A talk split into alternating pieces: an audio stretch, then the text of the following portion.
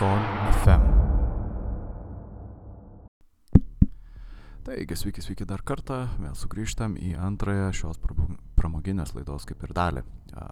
Kaip ir visada primenu tik tais, kad čia yra kaip ir įrašas, jūs negalit man paskambinti tiesiogiai į eterį, dėja atleiskit, bet galit visada parašyti. Na, o jeigu vis dėlto vis tiek paskambinsiu, tai aš tikriausiai atsiliepsiu, bet tai jau nebebus tiesioginis eteris, jūs tiesiog kalbėsit su atostogų manimi, na, taip sakykime. Taigi praėjusią dalyje aš nekėjome apie a, Paulą Benevicą, apie verslininką, kuris stebėjo keistus reiškinius virš Kirklando oro bazės.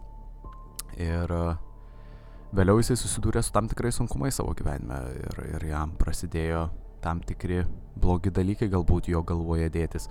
Gal taip sakykim. Iš esmės jisai po, po atrodo trumpo šio reiškinių pamatymo, praėjus vos trumpam laikotarpiui, jisai susipažino su, su to, tokia kaip ir mergina Mirna Hansen. Jinai tiem, kam galbūt skamba girdėti pats vardas ir pavardė, tai taip, tai Mirna Hansen yra na, aktorė. Tu prasme, anksčiau, anksčiau buvo aktorė Mi- Mirna Hansen, bet čia nebuvo tas pats asmuo, tai nebuvo ta pati aktorė, bet uh, tikėtina, kad tos aktorės vardu prisistačiusi moteris, uh, jinai atvyko su savo sunumi uh, pas uh, Paulą Benevicą, jinai atvyko su istorija, kad jinai na, matė, matė skraidančias lėkštes, skraidančius objektus laukuose, du didelius skraidančius objektus laukuose. Ir viena iš teorijų sako, kad jeigu tu sugebi pamatyti skraidančias lėkštes iš labai arti, sakykime, taip staiga pamatai laukuose didelį objektą ir iš arti, tai tikėtina, kad tave buvo pagrobę. Na, čia tokia teorija. Kad realiai tavo atmintis sugrįžta nuo to momento, kada tave, na, ją atgal pastatė į laukus ir jau bandė išskristi, sakykime, tas skraidantį lėkštė, tai tu todėl ir matai ją iš arti. Todėl žmonės, kurie, kurie pasakodavo tokias istorijas apie skraidančias lėkštes, kurias jie matė iš, iš labai arti, na, juos dažniausiai užhipnotizuodavo. Vėlgi dabar pa, pačio hipnozės senso, apskritai pačio hipnozės proceso galbūt nebandysiu kritikuoti, bet aš prisipažinsiu, kad aš esu labai skeptiškas ties tuo, aš nelabai tikiu iš tikrųjų pačią hipnozę, nelabai tikiu, kad ji gali kažkaip atgaminti na, žmogaus atmintį ir žmogaus užslėptas kaip nors, užslėptus tos prisiminimus ir panašiai. Ir na, iš esmės jinai buvo hipnotizuojama, ta Mirna Hansen, Polas Benevicas dalyvavo visose, visose sensuose.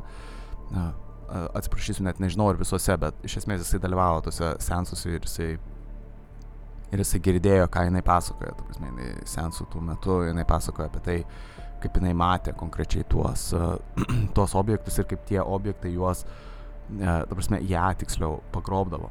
Ja, ta prasme, kad ją pagrobdavo ne vieną, ar ke, ne vieną ar du kartus, bet daugybę kartų jinai buvo pagrobta ir kad ateiviai apskritai ją implantavo kažkokius keistus, na, keistas galbūt schemas ar kažką į jos, į jos kūną, kad ją vėliau surastų ir panašiai. Na, suprantat, ką aš noriu pasakyti. Iš esmės, Polas Benevicas sėdėdamas, sėdėdamas šalia ir klausydamas viso to hipnozės senso, jisai įsitikino, kad šakės, na, skraidančios lėkštės yra tikra, pagrobimai yra tikra, jo eilė irgi artėja, nes jis dabar turi tą slaptą informaciją, tu prasme, kad jam dabar, na, viskas, tu prasme, jo eilė dabar tuo ir bus. E, Vėlgi tuo laikotarpiu, kada Polas Benevicas domėjosi visų reiškinių, visų NSO fenomenų, buvo paplitę, paplitę gyvulių skerdimai, gal net nežinau kaip kitaip tą pavadinti, bet paprasčiausiai žmonės, fermeriai, ūkininkai, gal taip sakykime, paprasčiausiai žemės, žemės ūkio, įvairių žemės ūkių savininkai, jie dažnai pastebėdavo, kad jų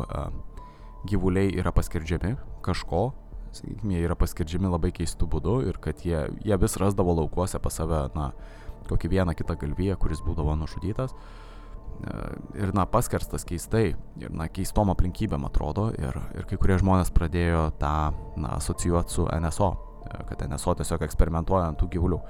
Taigi Polas buvo susipažinęs su to reiškiniu, jisai pradėjo galvoti, kad, na, ateiviai gro, grobė tokius žmonės kaip Mirna Hansen ir kad tikriausiai pagrobs ir jį ir kad iš esmės su juo bus eksperimentuojama, panašiai kaip su Mirna Hansen.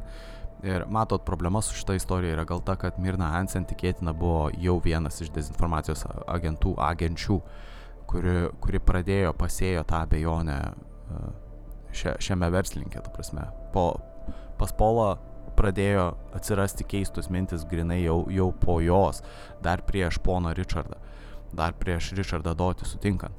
E, nes jisai, kaip žinia, dar vėliau susitiks su juo ir, ir na, pridirbs jiems, sakykime, dar daugiau bedų, gal sakykime taip, bet iš esmės pats Polas Benevicas kaip asmuo pradėjo keistis, jisai tapo labiau paranoikas, jisai išreiškė didesnę baimę, jisai mažai išnekėdavo su žmonėm, bet su tais, su kuriais artimai kalbėdavo, jisai kalbėdavo, na, labai agresyviai ir baisiai, galbūt žmonėm atrodė, kad jisai, na, jisai yra ant ribos, gal taip sakykime, ir pats Polas Benvicas, jisai buvo nusipirkęs daugybę ginklų, pradėjo pirkti daugybę ginklų, jisai pradėjo mažiau mėgoti, nes jisai bijodavo užmigti, apskritai jisai bijodavo, kad jo ateis kažkas, kad kažkas ateis ir jį pagrobs, tie ateiviai, sakykime.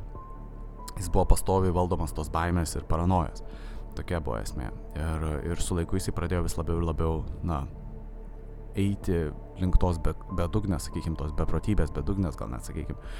Ir, ir buvo skaudu žiūrėti jo aplinkiniam, to prasme, jisai turėjo žmoną, jisai turėjo šeimą ir, ir jo aplinkiniam artimiesiam žmonėm, to prasme, buvo gaila matyti, kaip jisai e, paprasčiausiai bandydamas bandydamas išsiaiškinti tiesą, to fenomeno tiesą, jisai pradėjo atiduoti save, na, atiduoti savo protą tam pačiam fenomenui. Ir, ir pats minėtasis Richardas Dotis, jisai, jisai neprisidėjo prie ge, gelbėjimo, prasme, staiga jisai, jisai prisidėjo tik tais prie dar didesnio panardinimo, to prasme, Polo Benovico, Be, Benovico panardinimo į tą beprotybę.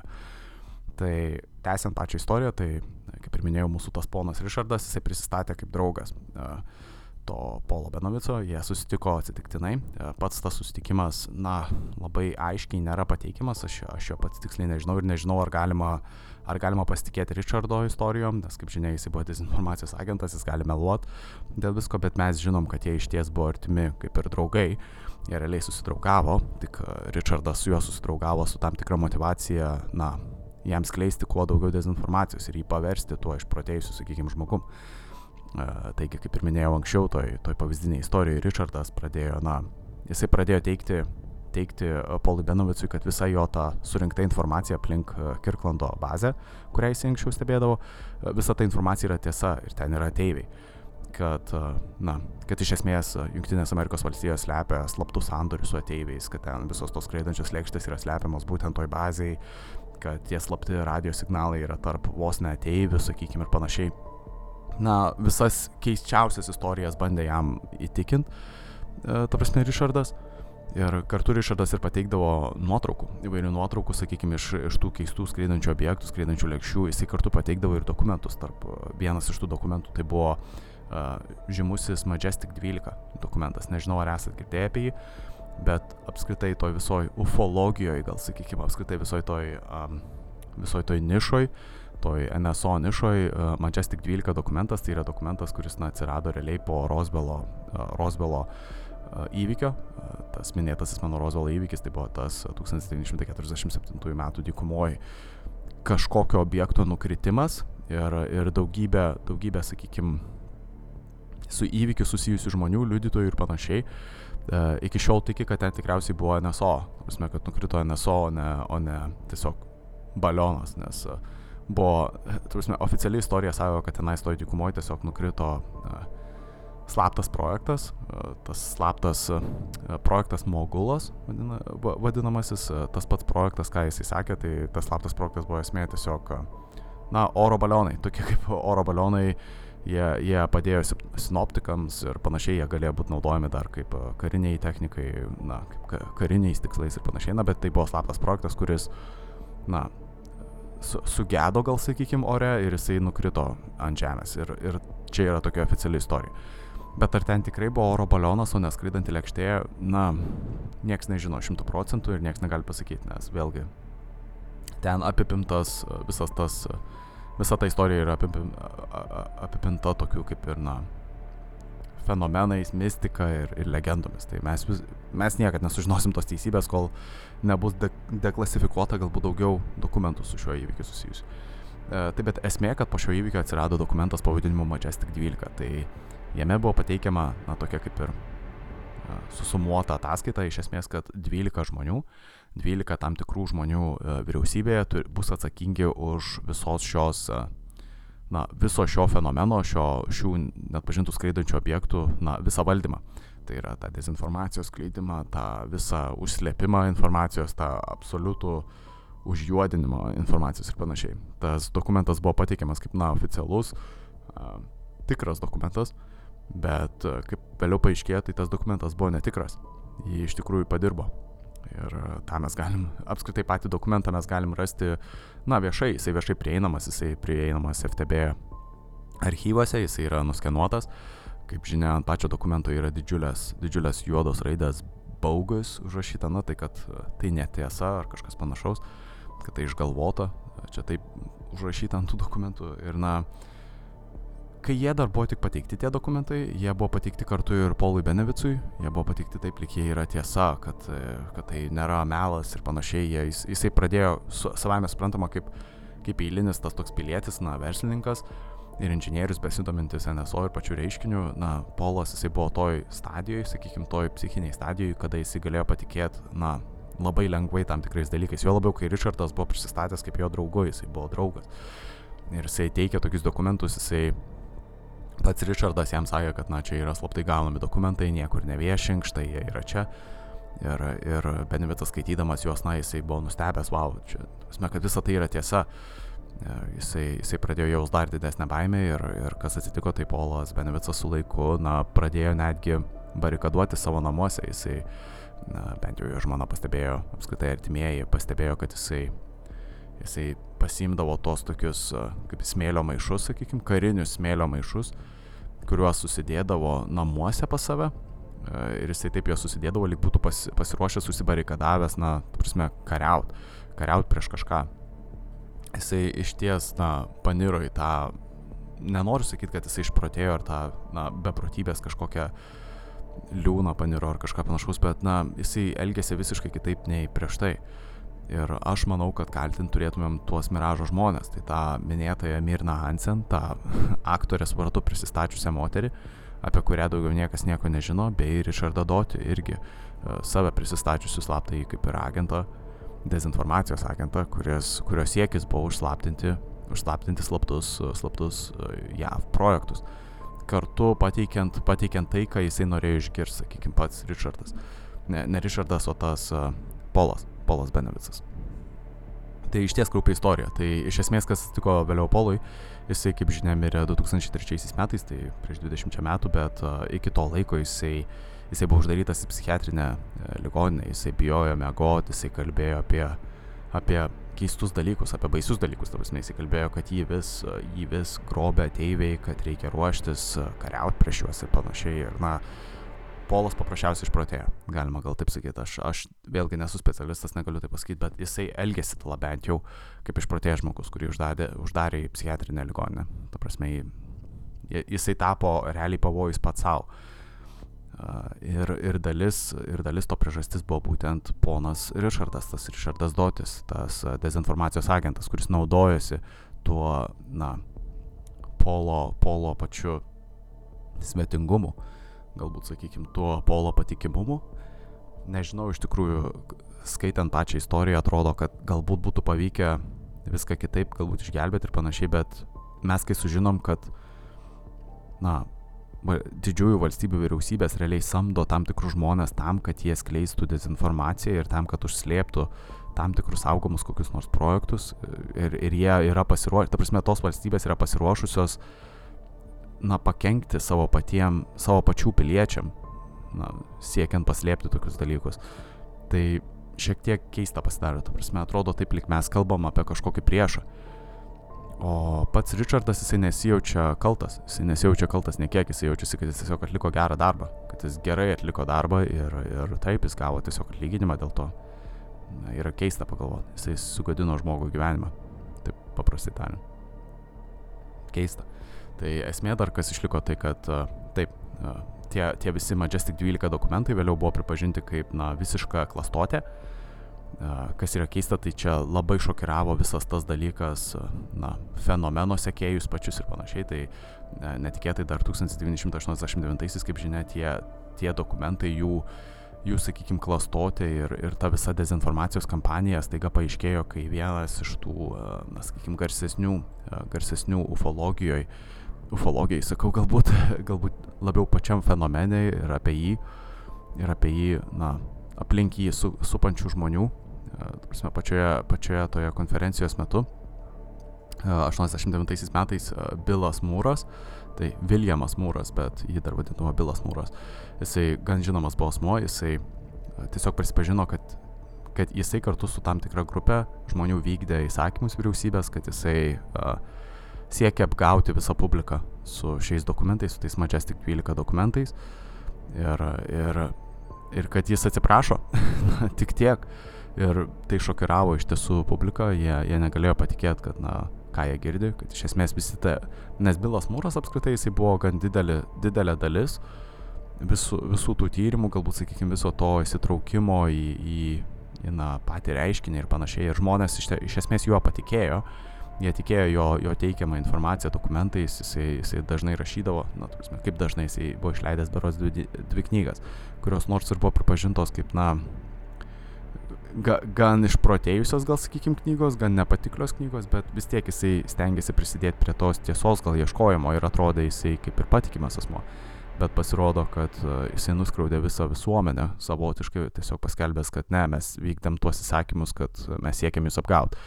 Ir tiek Bilas Mūras, tiek Richardas Dotis, tiek daugybė kitų žmonių prisipažino kaip esantis tie dezinformacijos agentai, tie dezinformacijos kampanijos, galbūt dezinformacijos kampaniją platinę asmenis, kurie realiai paskleidė tą visą ži žinę apie, na, apie visus tos NSO, nors tai net nebuvo tiesa. Ir, ir tai iškart sukėlė abejonę apie visą fenomeną, kad ne, negi tai yra vis, na, visiškas melas. Na, čia, čia tiesiog yra keista, pati istorija yra labai keista ir, ir tikrai siūlau kiekvienam, kas besidomi paskaityti pačią, pačią knygą, ta prasme, Marko Pilkingtono minėtąją 2010 m. knygą Miražo žmonės. Tikrai anglų autoriaus ta knyga, jinai, na, mano nuomonė labai gerai apžvelgia visą tą dezinformacijos ir tą pasinaudojimo folkloro, folkloro pasinaudojimo, tu prasme, tą visą teoriją ir kaip psichologiškai galima paveikti apskritai žmonės, kad jie, na, na, įtikinti juos, kad tai, ką jie matė, jie matė kažką daugiau, net, net ne tai, kad tik, ne tik taškas danguje, bet jie vis dėlto matė lėkštę. Sakykime, ir galų gale tą žmogų paverti to tokiu, na, vos ne klaunu prieš visuomenę. Ir kadangi jis tampa tas klaunas prieš visuomenę, visuomenė ta, jo, to klauno nebeklauso. Visiškai. Ir tokiu būdu tu sugebi užslėp, paslėptą paslaptį. Tai kaip ir minėjau, Richardas Dotis, jisai, jisai liko tuo. ta prasme, jisai, ma, man net keista iš tikrųjų tą sakyti, bet, na, jisai nejautė jokio, jokio kažkokio, na, kažkokių, na, pasigailėjimo galbūt žmogumi ir panašiai, jisai tiesiog atliko savo darbą, jisai pasišalino iš, iš Polo Benevico, na, gyvenimo realiai, jisai buvo draugas, jo galima sakyti, bet jisai išnyko, išnyko ir nebebuvo daugiau draugas to tolimesniam gyvenimo keliai, sakykime, ir, ir Polas Benevicas buvo paliktas vienas su savo mintimis, yra išties grau, graudu ir galbūt kraupu tai girdėti, bet taip tiesiog atsitiko ir iš esmės, na, aš dabar kai klausau, man kartais klausau, tu prasme, ir žiūriu kitas tas dokumentikas tokias susijusias su, e, su pačiu fenomenu, man dažnai dabar iškyla ta tokia gal irgi tam tikra paranoja, kad o jeigu čia yra ta dezinformacijos kampanija vis dėlto. Tai taip. ir dabar vėlgi paskutinis dalykas, kas, kas atsitiko, galbūt baisiausia atsitiko per miražo žmonių pačią dokumentiką, net ne knygoje, bet kalbu apie dokumentiką. Tai Richardas Dotis taiga pasakė, kad jisai matė iš tiesų, e, na, visą tą dalyką, apie kurį jis pasakoja. Tai prasme, kad pats fenomenas yra tiesa. E, kaip žinia, nors ir Richardas Dotis, aš minėjau, yra jau seniai atsistatydinęs specialusis agentas, bet jisai, jisai vis dar dalyvauja tose e, susirinkimuose, tų ufologų susirinkimuose. Niekas juo nebetiki, nes visi žino, kad jis yra, na, profesionalus melagis, gal taip sakykim, kad jis buvo profesionalus melagis, visi žino, bet uh, jeigu esi vieną kartą pamelavęs, tai realiai tavim jau pasitikėti yra labai sunku. Tai dabar viskas, kas išeina iš Richardo Dočio lūpų, yra automatiškai prezimuojama kaip neteisybė, kaip melas, bet ką dokumentikos gale Richardas Dotis pasakė, tai kad, na, viską, ką aš sakiau, yra galbūt didžiaja dalimi yra teisybė su trupinėliu melo. ką jisai pasakė, tai yra, kad na, visos tos skraidančios lėkštės, visa tai, visi tie reiškiniai, tai buvo tiesa, kad tai iš ties vyksta ir kad žmonės turėtų juo patikėti dabar. ir, ir, na, mane tai nustebino, nes, na, aš negaliu pasikliauti daugiau Richardu. Na, jisai, jisai, kaip žinia, buvo profesionalus melagis. Gal jis meluoja ir vėl dabar. Ar jisai iš vis atsistatydino iš ties, aš nežinau.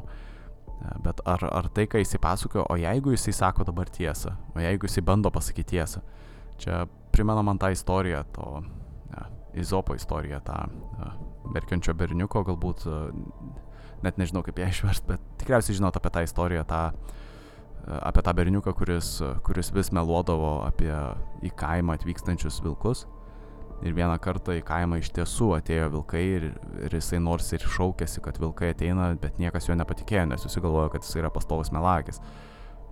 Na, čia ta tokia kaip ir istorija. Tai iš esmės taip atrodo, lik, lik Richardas yra dabar toj pozicijoje. Jisai buvo tas berniukas, kuris pastovi meluodavo. Ir dabar, kai jisai nori pasakyti tiesą, niekas juo nebetiki, nes paprasčiausiai jisai melavo pastovi. Nežinau, kaip jūs manot? Gal galvojat, kad vis dėlto jie, jie kad jis, ta prasme, kad Richardas sako tiesą, kad fenomenas yra vis dėlto tiesa, nežinau. Bet esmė miražo žmonių galbūt, aš čia tą norėjau, galbūt labiau plačiai papasakoti ir tikiuosi, kad, tikiuosi, kad suprantamai papasako apskritai apie visą šitą dalyką, bet miražo žmonės tai yra iki šiol egzistuojantis, mano nuomonė iki šiol egzistuojantis, na, vyriausybių specialiai agentai, kurie, kurie turi tikslą paskleisti dezinformaciją naudojantis, naudojantis tam, tikra, tam tikrų modernioji folklorų, tai kaip pavyzdys NSO, Bigfootas, nežinau, Sasquatchas kaip pavyzdys ir panašiai. Tai tie specialiai agentai naudoja tokias, tokias istorijas, na, tokius fenomenus galbūt, siekiant paslėpti, na, teisybę, siekiant paslėpti tuos slaptus projektus, kuriuos, na, kuria, kuria, na, užsienio valstybės, tos didžiosios valstybės. Tai tie slaptieji projektai dažniausiai būna susijęs su karinė technika, kaip ir minėjau ir panašiai, bet, bet esmė išlieka ta, kad siekiant paslėpti tos projektus, dažniausiai jie yra sutapatinami su NSO ir vėliau yra pas, paskleidžiama ta tokia kaip neteisybė. Kad tipo, vis dėlto čia visa tai buvo netiesa, kad tas NSO nebuvo tikras ir žmonės praranda, praranda pasitikėjimą tiek, tiek ta vyriausybė, tiek tais pranešėjais, galbūt, kurie galbūt kažkada buvo labai patikimi na, tiesiog visas tas fenomenas tampa kaip juokas. Tai čia yra viena iš tų technikų, tai paversti žmogų kvailiu, paprasčiausiai paversti žmogų kvailiu prieš publiką, paversti pavers tą pranešėją, kuris buvo kažkada patikimas, jį paversti nepatikimu. Ir tai, ką jisai sakė, staiga irgi taps nepatikimu. Ir žmonės tada su laiku pradės ir nebetikėti pačiu fenomenu, pradės galvoti, kad, na, skraidančias lėkštės galbūt, jeigu matei skraidančią lėkštę, tai tikriausiai tu jos jau nebematei, tu tikriausiai išprotėjęs. Tai čia to, toks kaip ir psichologinis galbūt karas, gal sakykime, žmonėse yra sukūriamas pastovus. Tai kaip ir tiek, tiek galiu pasakyti. Kaip, kaip jūs galvojat, ar, ar miražo žmonės ap, apskritai egzistuoja? Ar jūs manot, kad uh, jūs esate susidūrę su tuo? Gal, gal apskritai turit savo istorijų apie NSO? Kaip ir minėjau, parašykit, gal net ir paskambinkit, tik netiesiogiai, šiandien tiesiogiai nepavyks. tik primenu. Bet jeigu turit savo istorijų, papasakokit. Ir žinoma, išreiškė savo nuomonę, ar jums patiko ar ne, ir ar apskritai visa, tai, visa šita istorija atrodė, na, įtikinama jums.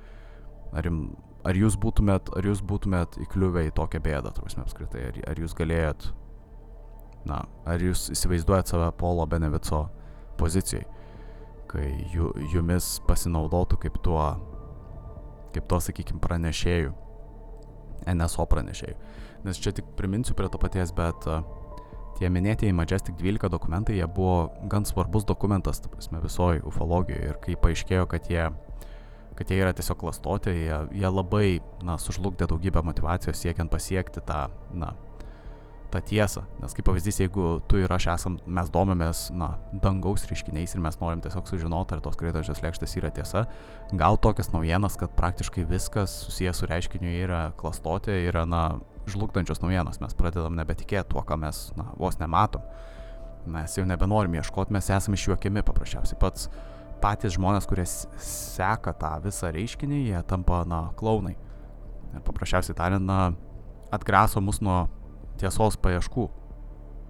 Tai aš manau, kad mums nereikėtų to daryti. Mums nereikėtų kreipdėmėsio į tas visas klastotės. Taip, kaip ir minėjau, šarlatanų, apskritai NSO sferoje šitoj, šarlatanų yra daugybė. Bet aš nemanau, kad jie turėtų mūsų sustabdyti nuo, nuo tos tiesos paieškos.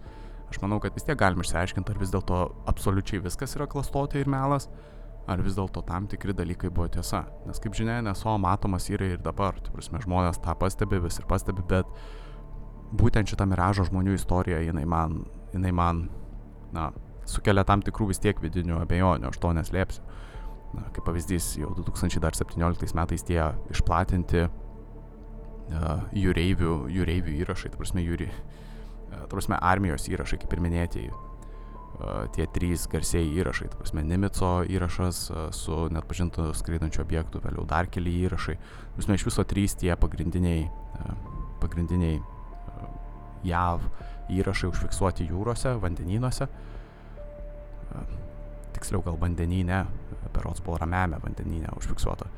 Visi tie įrašai, na, man sukelia tą tokią truputį vidinę, vidinę kaip ir, vidinį gal tokį nerimą, kad o jeigu tie įrašai yra klastoti irgi. Ir tiesiog vėlgi iš vyriausybės pateikta informacija, na, skamba per daug gerai. Negali tai būti gerai.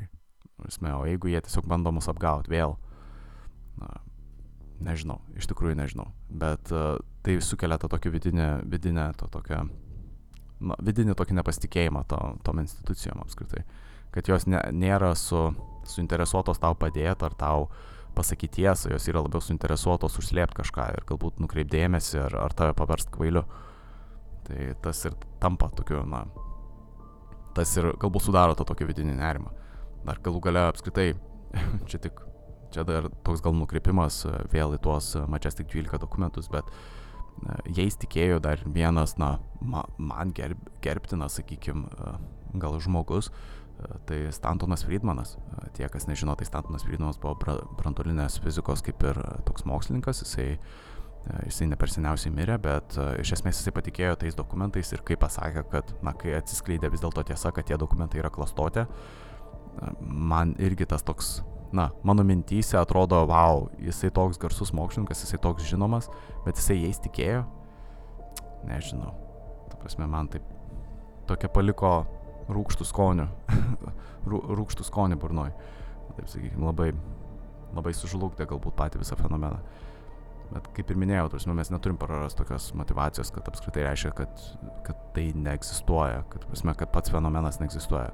Mes tiesiog galim patvirtinti, kad didžiosiose valstybėse yra, yra tam tikras samokslas, siekis nusamdyti žmonės, kurie, kurie kartu na, turi tikslą visą tą fenomeną paversti kvailybę, nukreipti mūsų dėmesį, na, viską padaryti kvailai, atrodant kvailai, pasinaudoti tuo fenomenu, kad paslėpti kažkokią tiesą. Bet mes tą tiesą galim išsiaiškinti, manau, tiesiog nereikia nukrypti nuo jos paieškų. Tai taip visada, visada dabar, kai aš minėsiu Miražo žmonės ir mano nuomonė apie Miražo žmonės, dabar žinosit, ką aš turiu menį. Ta tokia esmė, kad uh, tikriausiai kažkas kūrė kažkokią dezinformacijos kampaniją ir panašiai. Kaip pavyzdys, aš manau, kad, na, manau, kad visos tos uh, keiščiausios ir keiščiausios galbūt samokslo teorijos, uh, kaip pavyzdys, uh, plokščia žemė, mano nuomonė tai yra, žinokit, tiesiog uh, vėlgi naujausia Miražo žmonių, žinokit, uh, dezinformacijos kampanija. Uh, siekiant, siekiant paslėpti tai, ką mes galbūt galim rasti e, Antarktidoje, kaip pavyzdys. Čia vėlgi kita samokslo teorija, čia kitam kartui, bet kaip pavyzdys. Kaip jūs įsivaizduojat, kas yra Antarktidoje? E, plokščia žemė galvoja, kad na, čia yra tiesiog didžiulė siena ir panašiai. Ir tai atrodo neįtikėtina, tai atrodo kvaila. Ir mes visi iš karto nusprendžiam, kad tai yra kvailybė. Ir mes, ir mes iš karto nebetikim nieko aš manau, kad tenais yra įdomių radinių galima rasti. Ta prasme, Antarktidoje galbūt yra kažkas daugiau nei tiesiog paprasta, paprastos mokslinės bazės skirtos na, stebėti klimatą ir, ir, tuos, ir tuos ledynus. Aš manau, tenais galima rasti kažko daugiau, galbūt daugiau susijusių su žmonijos istorija, galbūt su pasaulio istorija. Bet, va matos, taiga atsiranda tos teorijos, kad ten, na, plokščia žemė atsiskleistų ir panašiai. Na, visą tai yra tiesiog mano nuomonė miražo žmonių istorija. Miražo žmonės tiesiog bando nukreipdėmėsi, kad paversti visą tai taip kvailai, kad, prasme, va, čia žemė plokščia, dėl to, dėl to jūs negalit tenais nuvykti ir panašiai. Ir, ir visą tai bando paversti taip kvailai. kad mes tiesiog nustotumėm klausti, kas vis dėlto yra toje Antarktidoje. Mes tiesiog nenorim apie tai klausti, nes nenorim asocijuoti savęs su tais plokščiažemiais, bet ne. Mes žinom, tarkim, kad Žemė nėra plokščia. Mes žinom, mums nereikia, mums nereikia nuvykti į Antarktidą, kad žinot, kad Žemė nėra plokščia. Bet jeigu norim sužinoti teisybę, o kas vis dėlto yra Antarktidoje, mums reikėtų jau tada nuvykti ten. Mes nelabai žinom vis dėlto, ar ne? Bet kaip ir minėjau, čia, čia, čia visai kita istorija, čia visai kita, kitas klausimas, kita samokslo teorija. Bet čia vėlgi tiesiog pramoginės laidos, šios pramoginės laidos na, dalis. Todėl netikėkit visko, ką ir aš sakau. Žinot, aš, aš, aš esu tiesiog galbūt irgi dezinformacijos agentas, niekad nežinot. Bet ne, ne, iš tiesų, čia nėra gerai iš karto prezumuot, kad visi yra dezinformacijos agentai, nes tada vėlgi atsiranda ta paranoja viduje ir, ir panašiai. Na, tiesiog labai tas nepatiklumas tarpusavį žmonių, juo labai lengva pasinaudoti, manau, ir juo būtent ir pasinaudoja tie dezinformacijos agentai. Tuo nepatiklumu, tą paranoją vidinę. Tai yra blogai, galbūt visuomeniai. Na, nežinau. Ne man spręsti. Bet kągi, užbaigsiu šiandienos, šia, šiandienos pramoginę laidą. Tikiuosi patiko, tikiuosi per daug, per daug neprigazdinau. Išlikit, išlikit budrus, e, neikit darbintis tik tais į miražo žmonių, sakykime. Nėra tokių darbo skelbimų, nemačiau, bet tikiuosi ne vienas iš jūsų nesat miražo žmogus, e, jūs nesat tie dezinformacijos agentai ir jūs nesiklausot. Ne, nepersiekite manęs, prašau, jeigu klausotės vis dėlto. Ir e, kągi, tiesiog palinkėsiu sėkmės, budrumo, stebėkit dangų, galbūt kažką įdomaus pamatysit ir būtinai parašykit, jeigu pamatysit, arba nufotografuokit ir atsiųskit, gal net ir bus geriau, įdomiau, pamatyti galėsim, galėsim padiskutuoti apie tai. Uh, taigi, liksiu, ge, li, linkiu gero likusio savaitgalio, likit su Sol FM, likit su gera muzika ir sėkmės, sėkmės artėjančiuose darbuose. Iki.